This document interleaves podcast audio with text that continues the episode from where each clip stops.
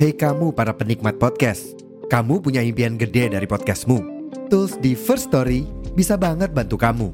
Mulai dari F-Link, Dynamic Audio Insertion, sampai statistik yang komprehensif, semua ada di First Story. Gak ketinggalan, kamu bisa monetisasi podcastmu lewat iklan dari First Story Ads yang bisa kasih kamu penghasilan dari setiap place podcastmu. Yuk gabung sekarang dengan klik di firststory.me. Sekali lagi, di firststory.me. Mari kita bawa mimpi podcastingmu menjadi kenyataan.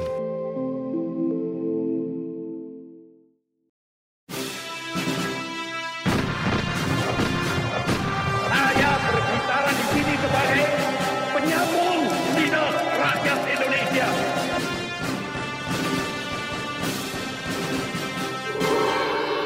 Hai, terima kasih sudah memilih mendengarkan kami, Poseidon, podcast yang bikin kalian gagal move on.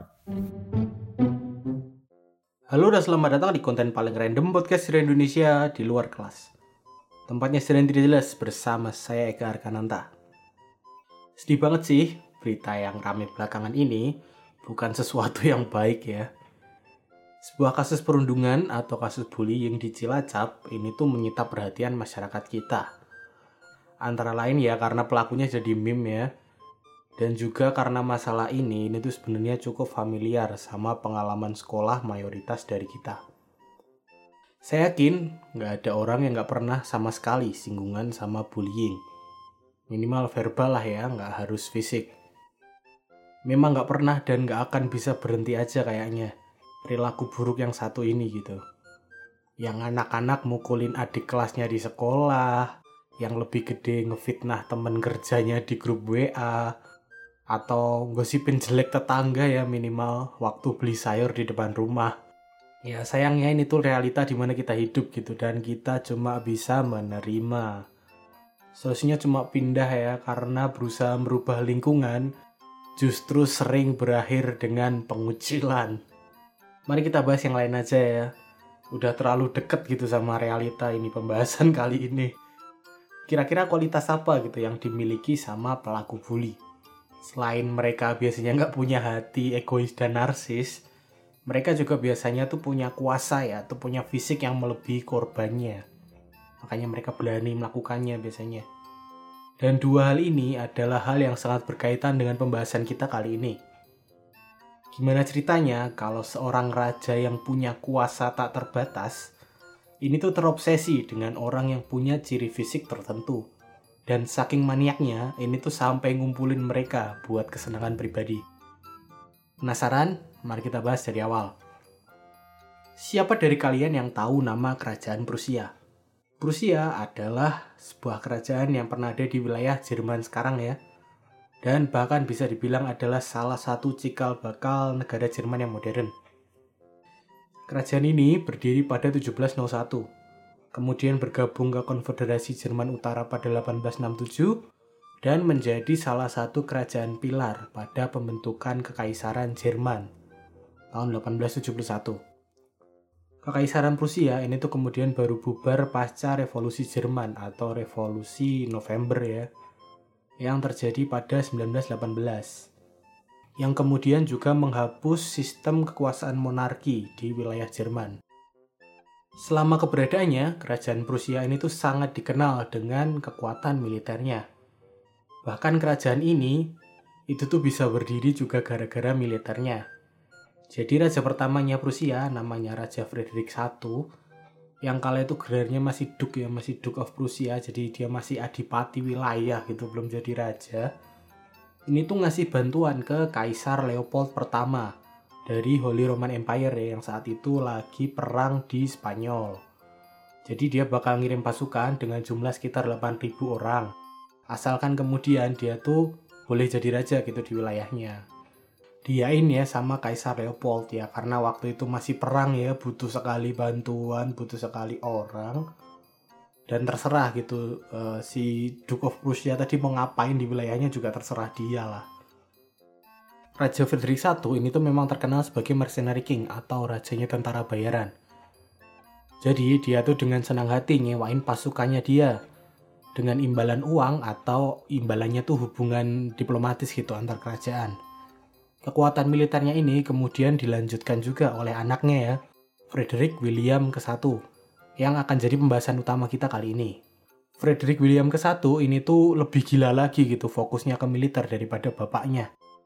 Di masa kepemimpinannya dia mulai tahun 1713, dia tuh, tuh melakukan reformasi gede-gedean gitu baik di bidang pemerintah, yang sekaligus tuh menghilangkan banyak sekali kasus korupsi di waktu itu ya, serta reformasi militer yang kemudian merubah kekuatan militernya Prusia, baik dari persenjataan, dari strategi maupun dari jumlah pasukannya.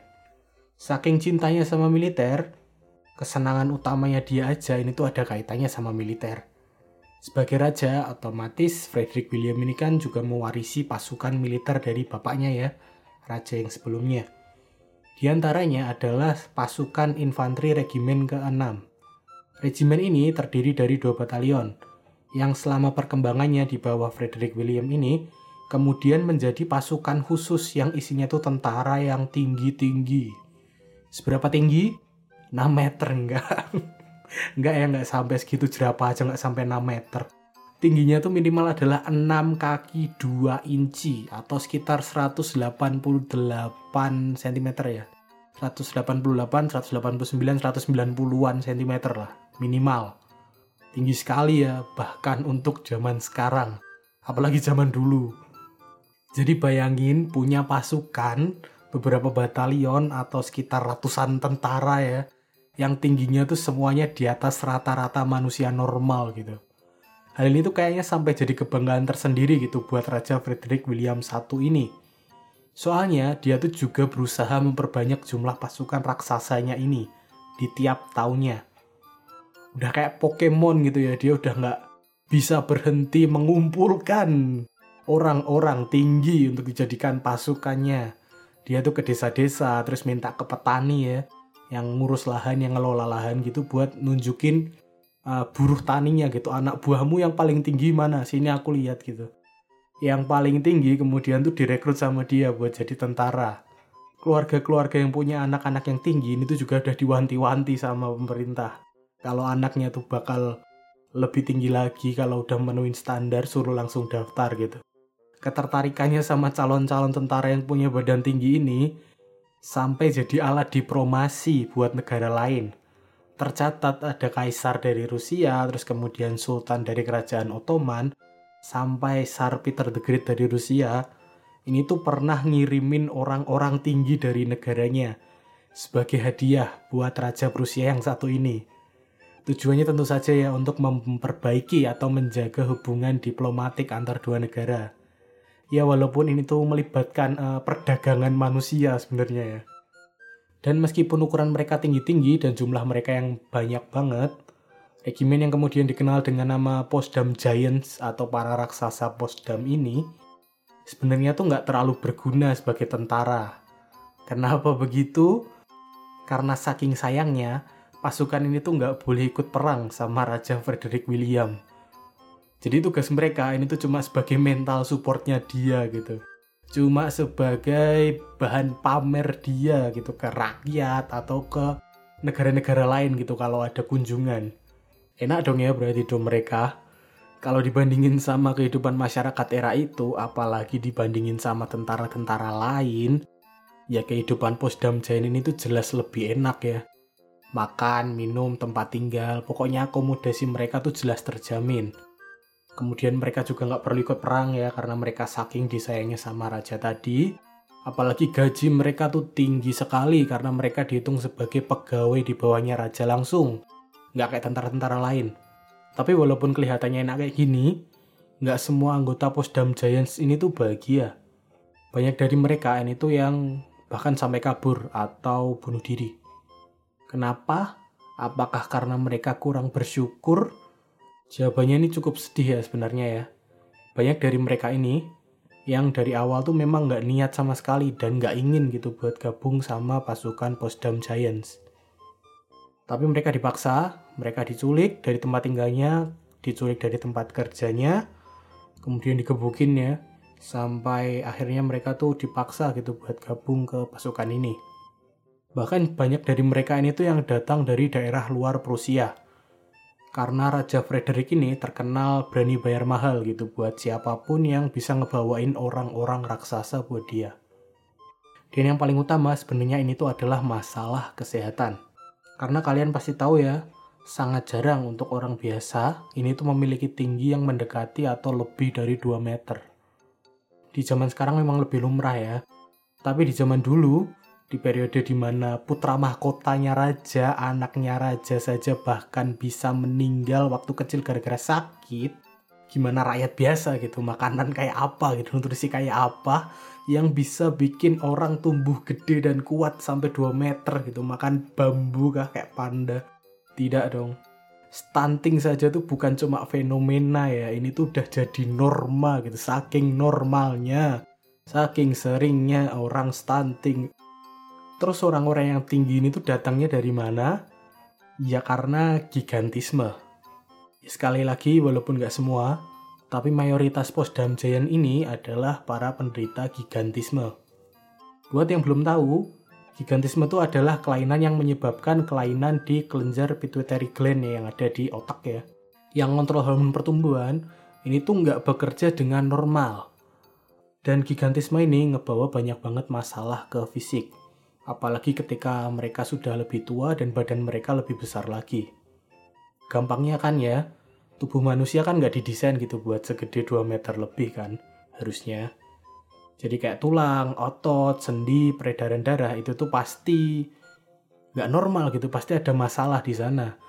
Dan berapa banyak penyakit gitu tuh yang muncul dari masalah yang kaitannya sama fungsi-fungsi ini. Makanya di balik ukuran raksasa mereka, rata-rata penderita gigantisme tuh justru nggak bisa beraktivitas atau bahkan hidup selama manusia normal lainnya. Jadi jangan berharap pasukan ini tuh isinya kayak atlet-atlet NBA yang sekarang ya bisa ngedang gitu. Jangan berpikir gitu kalau pasukan ini tuh isinya kayak Andre the Giant gitu ya, isinya Big Show, Great Kali gitu ya, yang bisa ngelempar orang dua gitu, diangkat, dilempar dengan gampang tuh nggak. Mereka jalan aja susah bro kehidupan mereka kemudian tuh juga dipersulit setelah Raja Frederick William I ini tuh lama-lama kelakuan freaknya tuh makin gila-gilaan ya.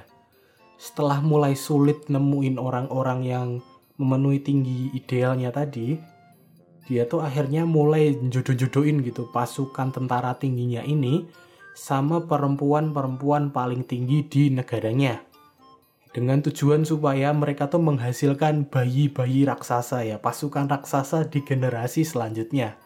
Ngawin-ngawinin orang loh ini. Udah kayak peternak cupang ya, mau nyari motif ikan yang bagus. Kalian tahu orang lain yang lakuin hal ini siapa? Hitler.